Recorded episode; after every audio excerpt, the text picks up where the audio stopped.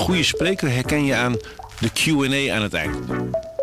Onze lifehack-expert Martijn Aslander geeft je adviezen waar je echt wat aan hebt.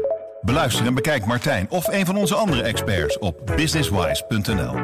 Businesswise, het nieuwe platform voor iedereen met ambitie. Dit is de podcast Politiek Dichtbij. Met Tobias den Hartog en Thomas Brouwer. Precies een maand na de start van de oorlog besluiten de NAVO-landen militaire hulp aan Oekraïne verder op te voeren. Maar is dat genoeg?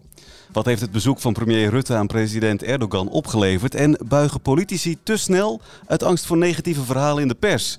Daarover praat ik met Tobias den Hartog en Niels Klaassen van de parlementaire redactie en buitenlandverslaggever Sanne Selfhout. De uh, oorlog in Oekraïne is inmiddels meer dan een maand aan de gang. Hoe kan het nou dat die Russen die Oekraïners niet op de knieën krijgen? Ja, je zou denken van dat grote Russische machtige leger, dat, uh, dat krijgt inderdaad Oekraïne binnen een paar dagen op de knieën. Nou, we zien allemaal dat dat dus uh, absoluut niet het geval is. Sterker nog, ruim een maand later dringen de, de Oekraïners de Russen op sommige punten die ze eerder hebben veroverd terug. En ja, waar heeft het mee te maken? in eerste instantie ook wel met het grote verzet van de Oekraïners zelf. Ze krijgen heel veel militaire hulp ook uit, uit het Westen. Hè. Amerikanen en Britten die, die leveren echt heel veel wapentuig, maar ook uh, ja, Nederland uh, zelf ook.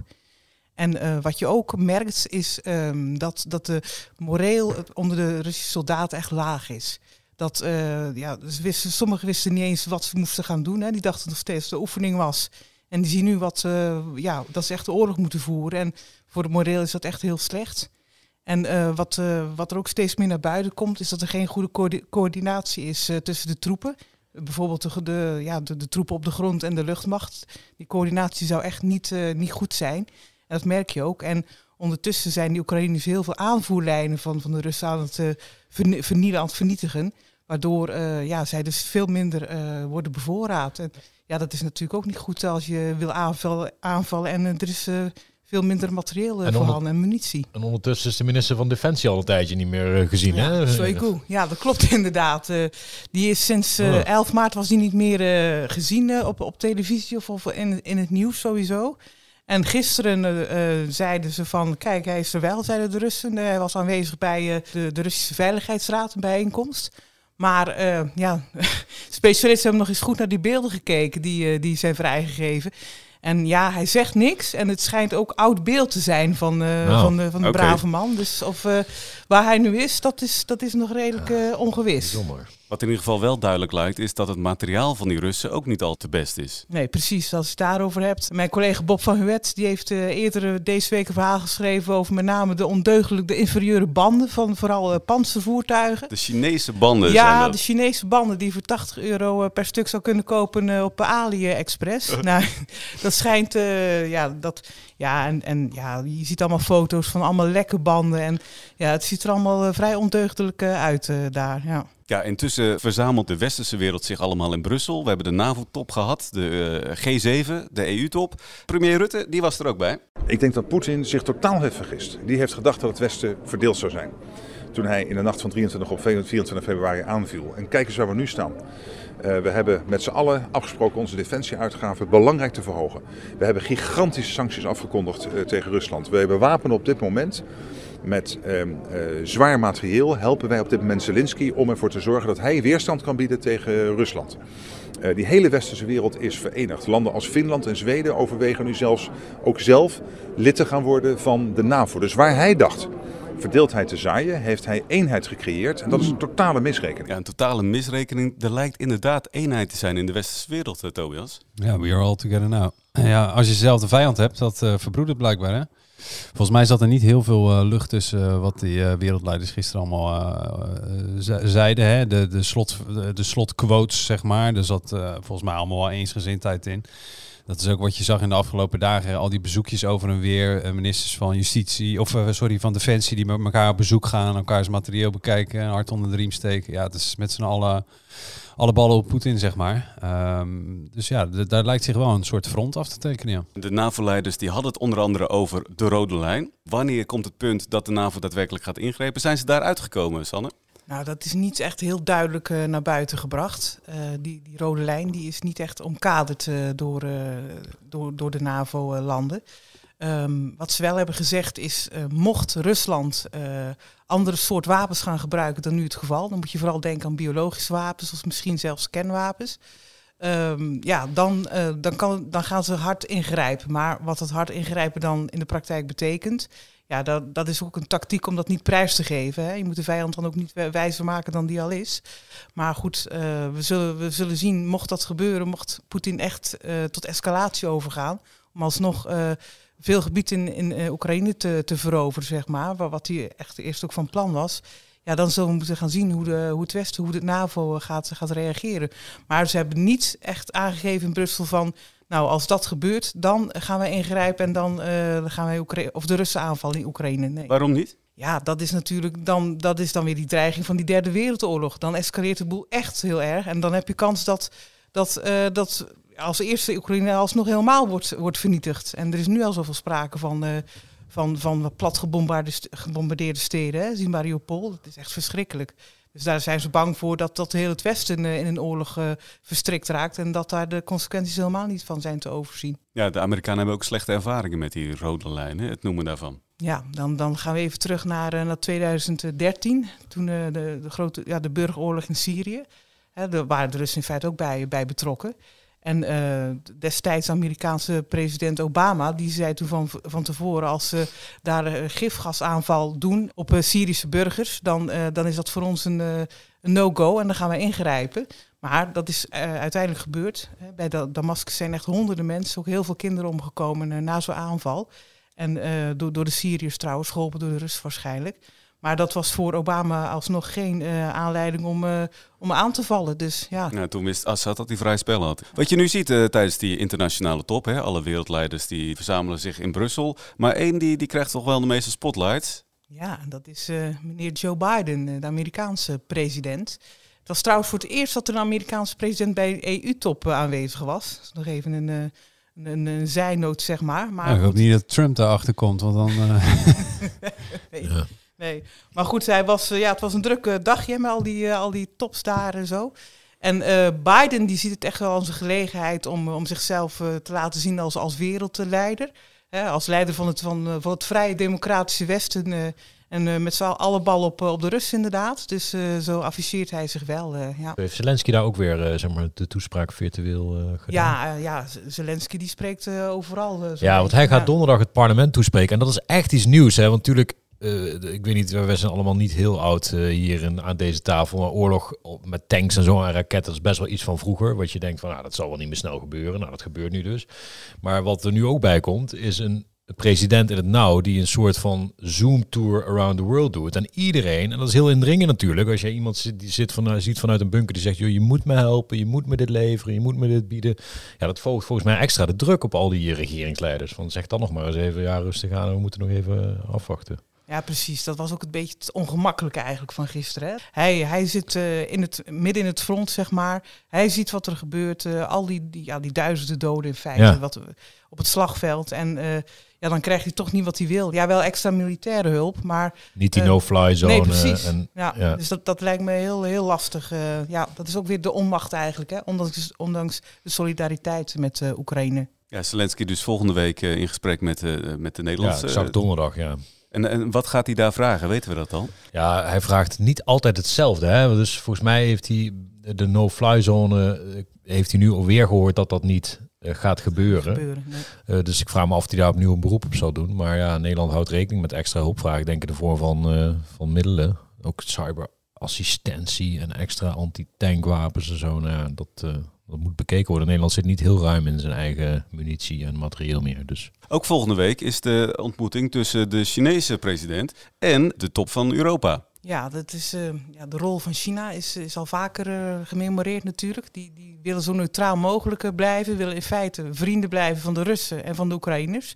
In hoeverre dat dan nog mogelijk is. Maar de EU die, die, die, die ja, die kijkt er wel anders tegenaan. Hè? Die hebben zoiets van, uh, hallo China, kom op. Ik bedoel, hoe zit het met, uh, met, met, met, met, hulp voor Oekraïne? Maar keer je ook af te, of meer af te, tegen de Russen, zeg maar. Dus ja, dat wordt best wel een belangrijke top. Het is volgens mij wel een virtuele top, dus ze zullen elkaar niet uh, Uh, von der Leyen zal niet zeg maar handen schudden met uh, Mexi.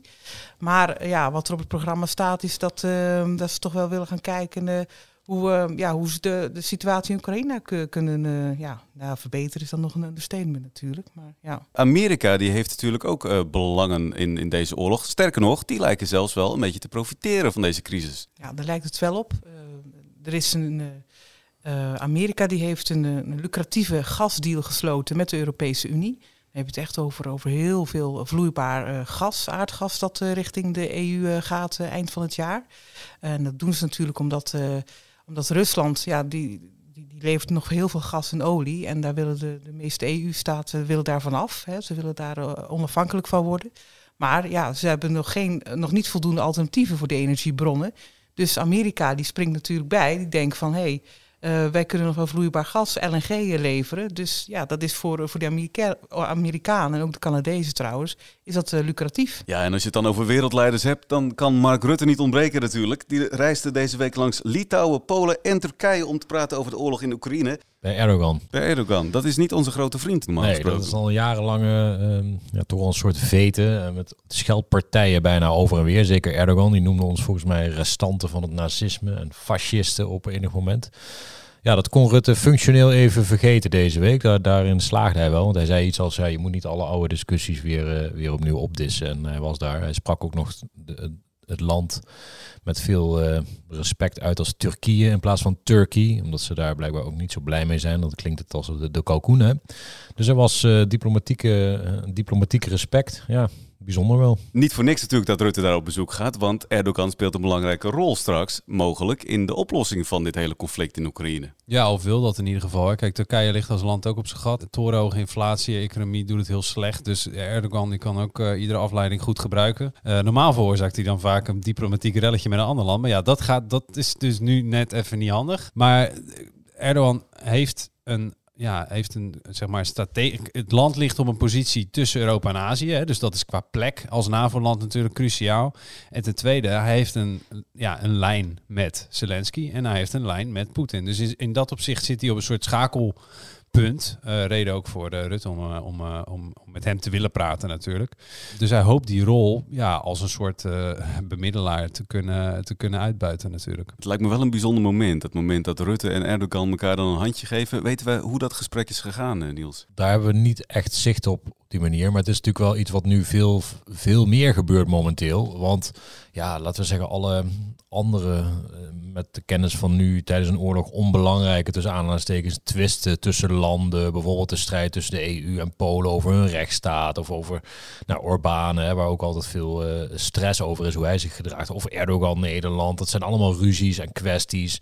Ja, die zijn niet vergeten per se, maar die worden nu wel echt even van secundair belang gemaakt. Hè? Want ja, er speelt gewoon een oorlog op het continent ja, dan is het even. Ja, het klinkt, dan stap je daar uh, ja, dan stap je daar even overheen. En dan heb je het daarover. Ja, en iedereen is nu als een dolle airmiles aan het verzamelen. Want men vliegt van alle landen naar alle landen. Van ministers die bij elkaar op bezoek gaan. Ze willen allemaal die klok zoveel mogelijk gelijk hebben staan. Want je weet nooit, dat is natuurlijk het gevaar, wat Poetins volgende stap doet. Dat weten de mensen in het Kremlin bijna niet.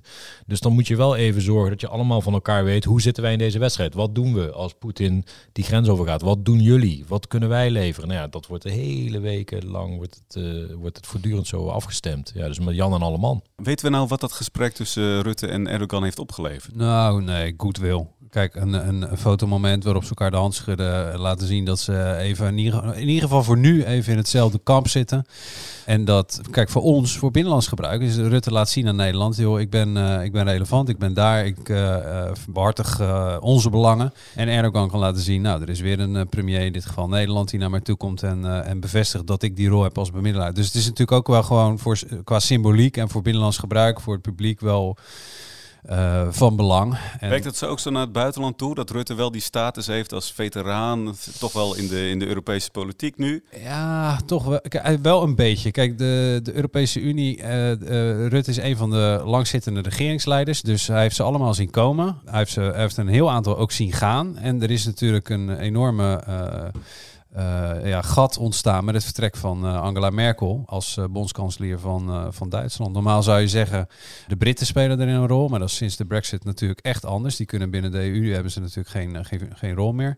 En daarnaast Frankrijk zou doorgaans eh, eh, de handschoen oppakken. Maar ja, we hebben die, die iconische beelden van Macron aan die meterslange tafel met Poetin gezien. Ja, zijn poging om Poetin te weerhouden van deze oorlog is mislukt. Dus zijn dienstrol is uitgespeeld. En ja, wat Rutte vaak doet, is eh, een soort van ja, bruggen slaan tussen landen die ongeveer dezelfde kant op willen, maar niet precies hetzelfde. En dan gaat hij als een soort oliemannetje daar een beetje tussen laveren. Dat heeft hij met die Turkije-deal ook gedaan. Dus eh, ja, het lijkt erop dat hij die, eh, eh, ja, die functie weer een beetje op zich neemt. Nou, Nederland is ook klein genoeg daarvoor. Hè? Want gek genoeg moet je ook, als je heel groot en uitgesproken bent, word je dan ben je vaak ook minder- heel eng. Ja, Ja, dan ben je Ja. toch ook een bedreiging en te veel eigen stempel drukken. Ja, Nou, Rutte is gewoon een veilige gesprekspartner daar. ja. Ja, min of meer wel. Kijk, er zijn wel landen die vinden natuurlijk, hè, als je dus ook de troepen mobiliseert, dan ben je dus ook een gevaar. Hè, als, als, als dat een kant op gaat die jij niet wil. Oost-Europa, die heeft zich echt wel een paar keer flink, eh, flink tegen Rutte verzet ook en zijn, eh, zijn verzoeningspogingen. Maar ja, in dit geval eh, ja, staan de neuzen dezelfde kant op. Dus dan kun je best wel, ja, kan je best wel op, eh, een kopje koffie met eh, Rutte doen. Ja, er was meer nieuws deze week. Zo kwamen er nieuwe details naar buiten over de mondkapjesdeel. Daar gaan we het straks over hebben. Maar nu eerst... Ik veracht uw woorden. Schaamt u zich eigenlijk niet? De bestuurscultuur, de nieuwe bestuurscultuur. Factionem cartellum. Doe eens normaal, man. Lekker zelf normaal. De woorden zijn teruggenomen. Dat ik een bewuste uitspraak heb gedaan die ik heb gedaan. Ja, San is intussen door met een eh, nieuw artikel, denk ik. Eh, Tobias, dit is jouw rubriek. De opvallendste uitspraak van deze week. Wat is jou het meest opgevallen? Ja, bear with me. Eh, dit is, wat je gaat horen is een ci- citaat van Pieter Omzicht in het debat over de koopkracht. De koopkrachtreparatie. Hè. Door de hoge inflatie, hoge energieprijzen is die eh, voor heel veel mensen eh, zit er een deuk in, eh, in die koopkrachtplaatjes. we hebben allemaal minder te besteden. En dan is er een tijdje terug is er een, ja, zijn maatregelen afgekondigd van het kabinet om die, die klap te dempen. Hè. Lagere accijnzen, btw-verlaging. eh, en dus ook een flinke pot met geld voor eh, gezinnen die in de bijstand of net daarboven zitten of op lagere inkomens. Dat was daar was al wat geld voor vrijgemaakt. Vorig jaar was 200 euro. Dat is naar 800 euro gegaan. Maar dan heb je dat besluit, dan heb je die maatregel. Maar hoe ga je dat uitvoeren? En dat is iets waar Pieter Omzicht zich zorgen over maakte. Het lelijke wat hier nu gebeurt, is dat het kabinet een wet ingediend heeft op 15 maart, waar overigens het bedrag van 200 euro in stond, niet eens van 800 euro. Dat stond erin. En het kabinet zegt, we hebben een wet ingediend voor 200 euro. Dus de gemeentes mogen 800 euro uitkeren aan een groep die we nu niet weten of dat op basis van het inkomen van 2020, 2021 of 2022 is. Dat is de meest eenvoudige vraag die je kunt stellen. Ja, dan zie ik hier toch een uitvoeringschaos verschijnen.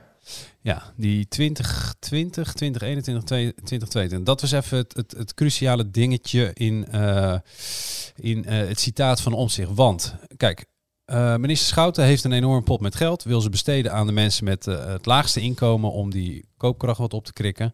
Maar aan wie ga je dat geven? Ga je dat geven aan mensen die een laag inkomen hadden in 2020 of in 2021 of in 2022? En dat is nogal een verschil. Want je kan best uh, een heel laag inkomen hebben gehad in het jaar 2020. Maar misschien heb je wel een baan gevonden aan het einde die heel veel verdiende. En je bent ineens in 2022 helemaal niet meer zo armlastig. Of je hebt de loterij gewonnen in 2021. Nou, er is, zijn nogal wat, uh, wat verschillen denkbaar. Hè?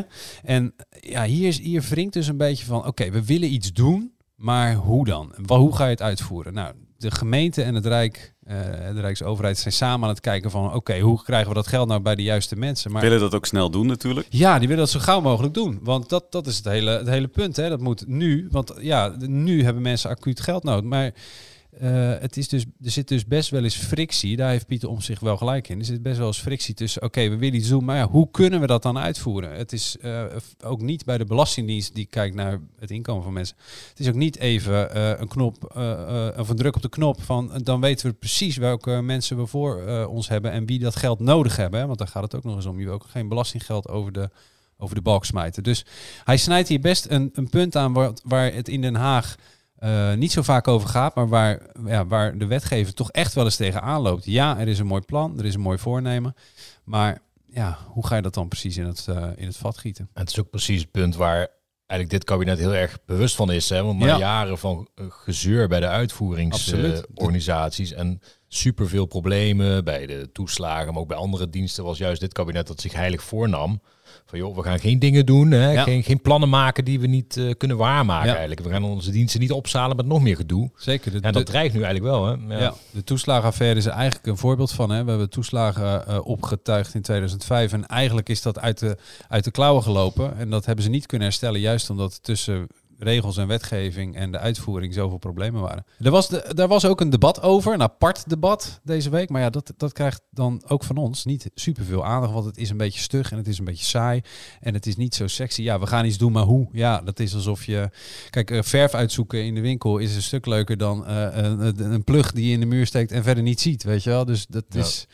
Ja, ingewikkeld. Ja, een onderwerp wat wel uh, aandacht kreeg in alle kranten, dat was de mondkapjesdeal. Daar kwamen deze week nieuwe details over naar buiten. Uh, Niels, ja. wat is er nou precies bekend geworden? Dit was de week dat Nederland een citaat van een oude Amerikaanse president leerde kennen. Als je iemand een lastig persoon hebt, is de vertaling kun je beter bij je hebben uh, dan, dan zonder hem zijn. En de quote is dan, better have him inside the tent pissing out than outside the tent pissing in. En dat ging dan over Siewert van Liende. Ja, de groothandelaar in mondkapjes. Twee jaar geleden op het toneel verschenen als grote weldoener die de Nederlandse zorg van mondkapjes zou kunnen voorzien. Wij wisten allemaal niet dat hij daar uiteindelijk 9 miljoen euro aan over zou houden. Uh, nieuwe reconstructies en boeken stellen juist dat hij dat vanaf het begin wel wist. Nou, dat zullen we later uh, zullen we erachter komen. Het OM het onderzoek. Maar de betrokkenheid van de politiek en de banden tussen het ministerie en Siewert van Liende. Dat is wel een storm die zo nu en dan blijft opsteken. Hugo de Jonge ging formeel niet over de inkoop van beschermingsmiddelen. Ja, je hebt de portefeuilleverdeling. Hij was uh, minister van Volksgezondheid en later ook coronazaken. Dan had je minister Tamara van Ark of Martin van Rijn voor haar die dan de beschermingsmiddelen deed. Hè. Dat was de, de werkverdeling. Hugo de Jonge heeft zelf uh, nooit echt helderheid gegeven over of hij nou wel of niet had bemoeid met de eerste contacten tussen hem en Van Dien. En ja, deze week bleek dus uit verstrekte appberichten dat Hugo de Jonge zelf als minister die er eigenlijk niet over ging, toch wel stevig aan het appen was met een topambtenaar om Van Liende in de tent te halen, binnenboord te krijgen. Hij was lastig, hij was heel luidruchtig. Van Liende zei, ik kan het beter doen. Ik kan die zorg van mondkapjes voorzien. Ja, op zich niet zo gek dat de minister die daar ook mede ontwoordelijk voor is, dan denkt, joh, laten we hem eens even een kans geven. Dus daar was best wel op gepusht. Uh, via de app van goed dat je dit uh, regelt. En uh, nou ja, dat was wel een ontwikkeling, want de jongen heeft daar nooit echt helderheid over gegeven daarvoor. En ook deze week zei de jongen dat hij hier niet bij betrokken was. Het voelt voor mij ongemakkelijk dat ik daar niet op kan reageren. Uh, de suggesties die worden gedaan, die, die kloppen gewoon niet. Uh, maar ik kan daar niet op reageren, omdat er op dit moment onderzoek wordt gedaan. Het onderzoek zal duidelijk maken hoe het wel zit. En tot die tijd kan ik er niet op reageren. Ja, ik kan reageert, daarop niet, u reageert niet reageren. erop door te zeggen dat het niet klopt. Dus dan is de volgende stap uitleggen wat er dan niet klopt. Dat ga ik zeker doen als het onderzoek is afgerond. De jongen die wil dus niet reageren. En het strikt formeel heeft hij gelijk. Hij zegt van het is uh, de portefeuille van uh, mijn uh, opvolger en ik wil eerst het onafhankelijke onderzoek zien. En nou ja, en dan kom ik wel met een reactie. Maar hij zegt wel de suggestie in de krant klopt niet. Oh Wils, als jij nou zijn PR-manager was, zijn, zijn assistent, wat zou je hem dan adviseren? Want nu, nu lijkt hij toch een beetje in het midden te laten, wel iets te zeggen, toch iets niet te zeggen. Dan blijft die speculatie gaan natuurlijk. Ja, ja, ja. Uh, we hebben het hier ook wel over gehad. Hè? Want je, je probeert je natuurlijk even te verplaatsen van waarom, waarom doet hij dit nou? Waarom zegt hij niet gewoon, oké, okay, ik heb die deal heb ik niet gesloten. Dus ik weet niet precies hoe dat allemaal tot stand is gekomen. Maar ik heb inderdaad... Uh, uh, van Linden naar het loket verwezen. En tegen dat loket gezegd: jongens, bel die jongen even terug, want misschien hebben we er wat aan. En als die onze concurrent wordt, dat is het laatste wat ik wil. Dus dat, ja, waarom, waarom dat gewoon niet zeggen? Dat, dat, dat, dat, daar kan ik, kan ik ook niet zo goed bij. Het, het zou denk ik mijn advies zijn: geef gewoon openheid van zaken, zeg wat je weet. Zeg ook wat je niet weet. En en plaats het ook in de tijdgeest. Hè. Het is niet zo gek dat die. Iedereen... We waren allemaal op zoek naar een We oplossing. waren allemaal op zoek naar een oplossing, naar mondkapjes. Naar, ja, dit is wel een vreemde. Ja, want hij, hij, hij zei bij dat uitloopje, wij worden dan als pers uh, worden we ingelicht met een, een sms'je, een appje van, joh, uh, de jongen wil straks wel even iets zeggen over, uh, over dat stuk in de krant van vanochtend en kom even daar naartoe. Nou, daar sta je daar allemaal en je denkt, nou oké, okay, wat zou hij gaan zeggen? En dan komt er dit en dan denk je, ja, nou, waar zijn we dan precies voor gebruikt? Want dan hebben we dus eigenlijk, eigenlijk is het om hem, ja, om even de deksel weer op de, op de pan te drukken. Dat zeg hij maar. een reactie dat heeft gegeven. heeft hij een reactie gegeven. Dan, dan, gaat, dan, ja, dan kunnen we onze stukken gaan opmaken, want hij gaat niet meer zeggen. Dus je, je kan dan aan het werken aan je, aan je verhalen. Maar daar blijft het dan bij. En dat, dat, dat ja, het is een, een, een figuur die wel een beetje ja, vragen oproept. Ook bij ons, waar we er ook niet helemaal uit. Zou het zijn omdat hij echt denkt dat dat onderzoek hem straks gaat vrijpleiten. En dat hij dan zegt, zien jullie, nou wel, dit is waarom ik al, eh, daarom heb ik deze, al die tijd niks gezegd, maar ik heb gelijk gekregen. Of is er echt nog wel, eh, is er misschien nog meer? En er is er wat lelijks te, te, te verbergen nu, hè? Want ja, over die appjes, Niels, dat weet je beter denk ik. Maar daar is, daar, daar is het kabinet toch ook niet glashelder over geweest? Nee. En ook heel veel is nog niet verstrekt, blijkbaar. En het punt is ook, eh, vorig jaar zomer is al een tijdlijn opgesteld door toenmalig minister Tamara van Ark. Want hier was natuurlijk al een jaar lang uh, ophef over. Van joh, vertel nou eens wie precies met wie contact had over deze deal. En deze hele appwisseling die we nu dus kennen, werd niet vermeld in die tijdlijn. Nou is een tijdlijn ook maar een selectie van de feiten. Maar dat vinden Kamerleden natuurlijk niet zo prettig. Want dan krijg je toch het gevoel, oké, eh, er wordt iets achtergehouden misschien. En dus moet er nu een nieuwe tijdlijn komen. Die komt maandag. Ja, wellicht zit daar weer meer info in. Dat weten we nu niet. Maar dan krijg je ook nog de rare figuur. En nu wordt het echt heel haakst. Hoe kunnen we dit aan Hugo de Jonge gaan vragen in een debat? Formeel gaat Hugo de Jonge nu over volkshuisvesting. En niet meer over volksgezondheid. Formeel zou eigenlijk Ernst Kuipers of Connie Helder, die over medische zorg minister is en die over de hulpmiddelen gaat, die zou dan eigenlijk naar de Kamer moeten komen om te verantwoorden actie, gedrag en uitspraken van Hugo de Jonge. Dus dan zou Kuipers straks verantwoording moeten afleggen voor keuzes die de, eh, de Jonge eerder heeft gemaakt. Ja, of Connie Helder inderdaad, als portefeuillehouder zeg maar. En dat is wat de Kamer natuurlijk ook niet graag Nee, je zag een paar uh, hoogleraren parlementaire geschiedenis van de week op hun blogjes. dit hebben we nog nooit gezien, dit hebben we nog nooit meegemaakt dit. Ja, nee, dat is een hele rare constructie natuurlijk. Ja. Ja.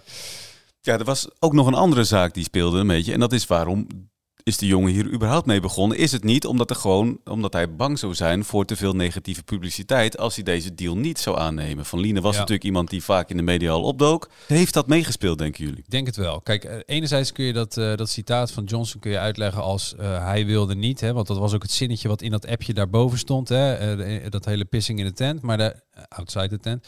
Maar in het zinnetje daarvoor stond: we willen niet dat hij concurrerend wordt met ja, de club die voor heel Nederland de mondkapjes aan het regelen is. Nou, je kan zeggen, nou, dat hele pissing in de tent uh, citaat, dat heeft betrekking daarop. Maar uh, kijk, dat Van Liende zo vocaal was en op Twitter liep te klagen en uh, tafelgast bij de DWDD. Het speelt gewoon mee. Je kan, je kan het niet ontkennen. We hebben het eerder gezien bij uh, Lilian Howick. toen zij buiten het kinderpardon bleken te vallen. toen werd er flink actie gevoerd. En uiteindelijk is staatssecretaris Mark Harbers destijds van asiel, die is door de pomp gegaan. Die heeft gezegd, oké, ze mogen toch blijven. Hè? dus je, je ziet gewoon publiciteit heeft een dwingende werking op politici. Tuurlijk. En dat riekt dus in dit geval ja, een beetje naar chantage. En, en dat is niet, uh, dat is geen uh, prettige uh, afdruk. Nee, hoe gaat dit nou verder? Nou ja, uh, wordt vervolgd maandag al. Dan komt dus, denk Connie Helder of Jan Kuipers met een nieuwe tijdlijn. Met wat ze weten, nieuw feitenrelaas. Ja, dan wordt er waarschijnlijk een debat ingepland. Dus hier gaan we komende weken gewoon nog uh, meer over horen. Ja, dit is nog zeker niet klaar. Een zaak die wel is afgerond, Niels, die is mede dankzij jouw inzet uh, tot, een, tot een einde gekomen. Opgelost zou ik wel willen zeggen. Sherlock Klaassen. Case closed. Ja. ja. nou ja, het gaat over, je, je bedoelt Eduard Bomhoff, de LPF-minister. Uh, je zou hem bijna vergeten. En dat is ook precies gebeurd op het ministerie van Volksgezondheid. Hij is een beetje vergeten. Hij was minister van Volksgezondheid in het kabinet met uh, de LPF. 2002 hebben we het nu over. Hij was het twee, drie maanden, vier maanden misschien. Hij had ruzie met Jan en Alleman, vooral met Herman Heinsbroek. Hij had ook zelfs een belletje waarmee hij soms uh, stilte eiste in uh, vergaderingen blijkbaar. Nou ja, het was een markant figuur, maar niet zo markant nog inmiddels voor het ministerie van Volksgezondheid dat de fotogalerij met oude ministers had verhuisd onlangs. Ik liep daar door die gangen voor een kennismaking keek even naar die foto's. Op de, ik kwam de lift uit en ik liep daarna. Ik denk, ik mis iets of ik mis iemand, maar het vloor, spookte door mijn hoofd. Dus na het gesprek met die minister liep ik weer langs die galerij. Ik zei, mag ik hier een foto van maken? Ja, tuurlijk. Oké, okay, klik. Ik denk, hey, Bomhoff, verrek, hij staat er niet op. Een heel rijtje ministers. Van Els Borst tot aan Hugo de Jonge, maar geen Bomhoff. Nou ja, dat vond ik wel gek, ja. Dus, jij bent op onderzoek uitgegaan? Nou ja, ik heb er wat over getwitterd en een woordvoerder uh, geappt die over deze zaken gaat. Zelfs, zelfs uh, dat, die portefeuille is belegd. En uh, ja, het was een foutje, hè, Thomas? Een foutje. Tobias, jij hoort dit. Wat denk je dan? Ja, apenkool. Dit kan natuurlijk niet. Kijk, eh, eh, Bomhoff was een minister. Verder, eh, volgens mij een keurige man. eh, maakte inderdaad ruzie met Heijsbroek. Hij zegt altijd dat een Heijsbroek lag. Heijsbroek zegt altijd dat een Bomhoff lag.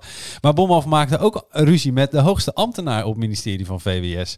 Dat is volgens mij een keurige man. Die doet tegenwoordig ook gewoon commerciële dingen. Volgens mij komt hij ook wel eens in de media. Die kan je volgens mij niet echt op, op rancune naar Bomhoff betrappen ook. Maar ja, Bomhoff heeft zich niet alleen maar geliefd gemaakt op dat ministerie. En dan, dan worden die. Dan, dan, dan ineens is dat portret weg. Nou ja, goed. Je, je, je, ben je tot een, tot een. Ja, het was uiteindelijk... Wat was de reden nou? Wat is... Ze hebben dus die lijstjes weggehaald bij de oude plek en op die nieuwe plek gehangen. En je ziet het ook, er is geen ruimte meer, dus er kan niet de minister bij. Dus ze hebben op een gegeven moment, heeft daar gewoon iemand gestaan met al die foto's. Moet ik concluderen en gedacht van, oké, nou ja. Ik heb er één over. Ik heb er eigenlijk één over, maar ja, oké. Maar de, de formele uitleg van de woordvoering is... eh, ja, dat is heel hard gewerkt aan een goede schikking van de foto's. Dat is allemaal recht gehangen en zo. Uiteindelijk is er een chronologie iets eh, misgegaan. Ah, vandaar. Maar ik eh, denk dat het ordinaire LPF cancel culture is. eh, hè, dat zou mijn, zou mijn Het klinkt zijn. een beetje als hoe Stalin dat deed met foto's die opeens minder personen Maar- op de foto Maar toch was hadden. het is gerepareerd, hè? We hebben Ja. ook bewijzen gezien. Bomhof is er, er weer bij gehangen. Els Borst moet naar plek elders. Wel op de gang, mooie plek waar ook haar, eh, dus een standbeeldje staat voor haar. En eh Bomhof kreeg nog aan de lijn. Hij is ergens in, eh, in, in vreemde oorden, belde die via WhatsApp. En hij zei heel blij, hij schreeuwde naar zijn vrouw, ik word teruggehangen. Dus hij is ook weer tevreden. De bloemen zijn al binnen, Niels? Geen idee. Ik verwacht ze wel natuurlijk. Ja, en wie Bomhoff zegt, zegt LPF. En wie LPF zegt, die zegt eh, Pim Fortuyn. Die zien we sowieso de laatste week veel op tv. Albert, heb je gehoord wie Kok gaat opvolgen? We gaan er een prachtige campagne van maken. De mensen zijn het zat. Wat houd je tegen? Richt dan je eigen partij op. Lijst Pim Fortuyn. Nou, dat kan er ook nog wel bij. Het lijkt me een kansloze onderneming. Ik heb er zin aan. At your service.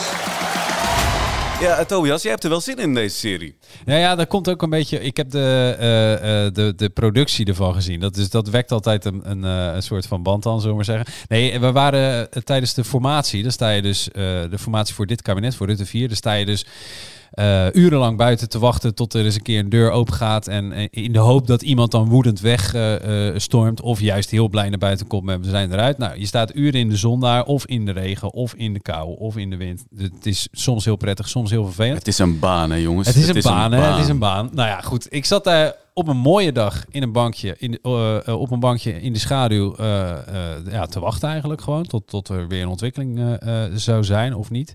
En eh, aan de overkant van, de, van het plein, en dan hebben we het echt over het Binnenhof, zag ik, dacht ik, nou ja, ik, ik, ik, zag al dat hij het niet was, maar ik zag Ad Melkert lopen. Als Nou, je door je oogharen keek, ja, precies. Ja, en dat bleek dus Ramsi Nasser. Dat is de acteur die hem speelt in deze serie.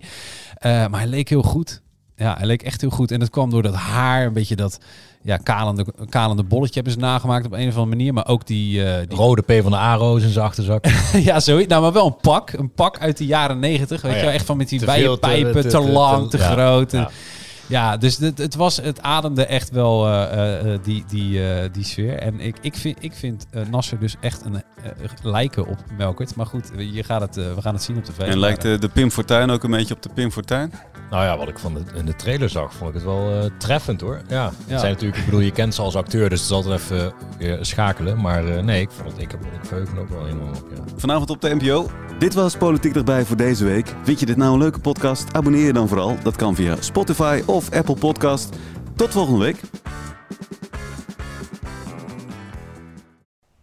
Was schaffen wir jetzt nicht wieder in Deutschland? Was für gewaltige Werke bauen wir? Luister ook naar de podcast Hitlers geheime tunnel. Ik denk wel dat er wat, eh, dat er wat zou moeten zijn.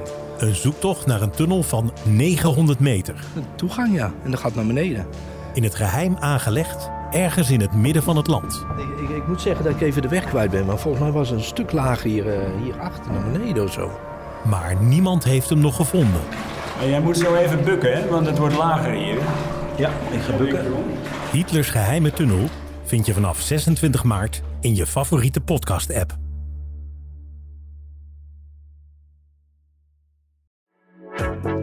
Een goede spreker herken je aan de Q&A aan het eind. Onze lifehack-expert Martijn Aslander geeft je adviezen waar je echt wat aan hebt. Beluister en bekijk Martijn of een van onze andere experts op businesswise.nl. Businesswise, het nieuwe platform voor iedereen met ambitie.